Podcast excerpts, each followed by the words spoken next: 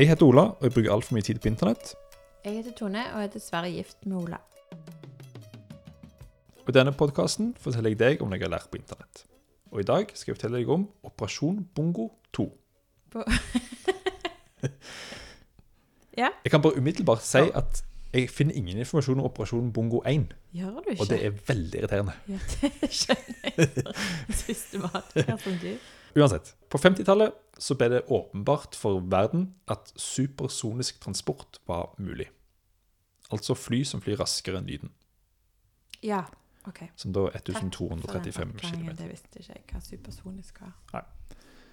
På 60-tallet så klarte vi det. Mm. Etter hvert så ble det da to supersoniske flytyper, Concorde og Tupolev, som er den sovjetiske versjonen. Sovjet skulle alltid lage det samme som alle andre. Ja. Og Concorde sin hovedstrekning det var Paris-New York, og den ble unnagjort på 3,5 timer, i motsetning til dagens 8 timer. Oh. Så det er jo veldig mye raskere. Og disse supersoniske flyene de fløy i all hovedsak kun over hav. Og grunnen til det var Operasjon Bongo 2. For problemet med å fly raskere enn lyden er at du bryter lydmuren. Og det smeller. Så hvis et fly flyr raskere enn lyden over deg, så vil du høre et helsike smell her nede på jorda når det flyr over deg. ja, det, ja, OK. Ja. Uh, og Det blir beskrevet som spesielt skremmende, fordi det er mye høyere enn torden. Og det kommer helt uten varsel, og det kommer fra klar himmel. Dette skjønner jeg ingenting av. Men ja. Jeg lever meg inn i dette. Et høyt smell. Hva, hva er det du ikke skjønner? Nei, jeg bare har jo ingen referansepunkt. Dette er så langt fra mitt, oh. min verden. har du ikke, har du ikke vært på flystevne og sett noen bryte lydmuren? Uh, Nei, jeg har aldri vært på et flystevne. Nei, der har vi løsningen. Ja. Eller forklaringen. Ja. Mm. Men det, det jeg opplevd, iallfall. Ja, Eh, det ja, ja, ja, det er smeller veldig høyt. Um, Ja. Mm. For det bare smeller, og så kanskje klarer du å se flyet etterpå. Lyden kommer først, liksom. Ja. Og det er jo et problem hvis du ønsker å fly Concorde over land, der folk bor. For det smeller hele tida, liksom? Ja. Eh, så da gjorde det amerikanske Avinor, som er FAA, eh, et kontroversielt eksperiment på befolkningen i Oklahoma City i 1964. Eksperimentet da, det het Operasjon Bongo 2. Eh, Det ble ikke godkjent eller validert av byen eller byens befolkning. De bare Vi bare gjør det der. Fant de ut. og de valgte Oklahoma da, fordi en stor andel av befolkningen der, rett over en halv million, jobber med luftfart. For det er to store militærluftbaser rett utenfor byen. Og de er jo Avinor, så de kan liksom gjøre hva de vil. De trenger ikke spørre om lov. De burde ha gjort det. Eksperimentet gikk enkelt og greit ut på at de fløy militærfly som bryter lydmuren, over byen åtte ganger hver dag i et halvt år. Så totalt så ble innbyggerne i Oklahoma City utsatt for 1200 soniske smell.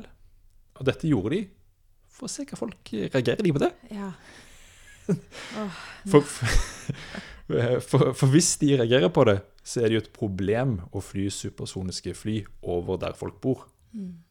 Eh, og de 1253 smellene eh, de skulle altså avdekke effekten på beboerne, men òg på bygninger, folks holdninger, og forsøke å lage noen modeller da, for forsikringen eh, for alle skadene som dette kom til å forårsake. For i løpet av disse seks eh, månedene så ble tusenvis av vinduer i Oklahoma City knust. ja herlighet. Fordi ja. smellene er heftige. Mm. Eh, Konklusjonen av eksperimentet var egentlig at brorparten av innbyggerne føler at de kunne lære seg å leve med at åtte ganger dagen plutselig bare smeller noe helt vilt.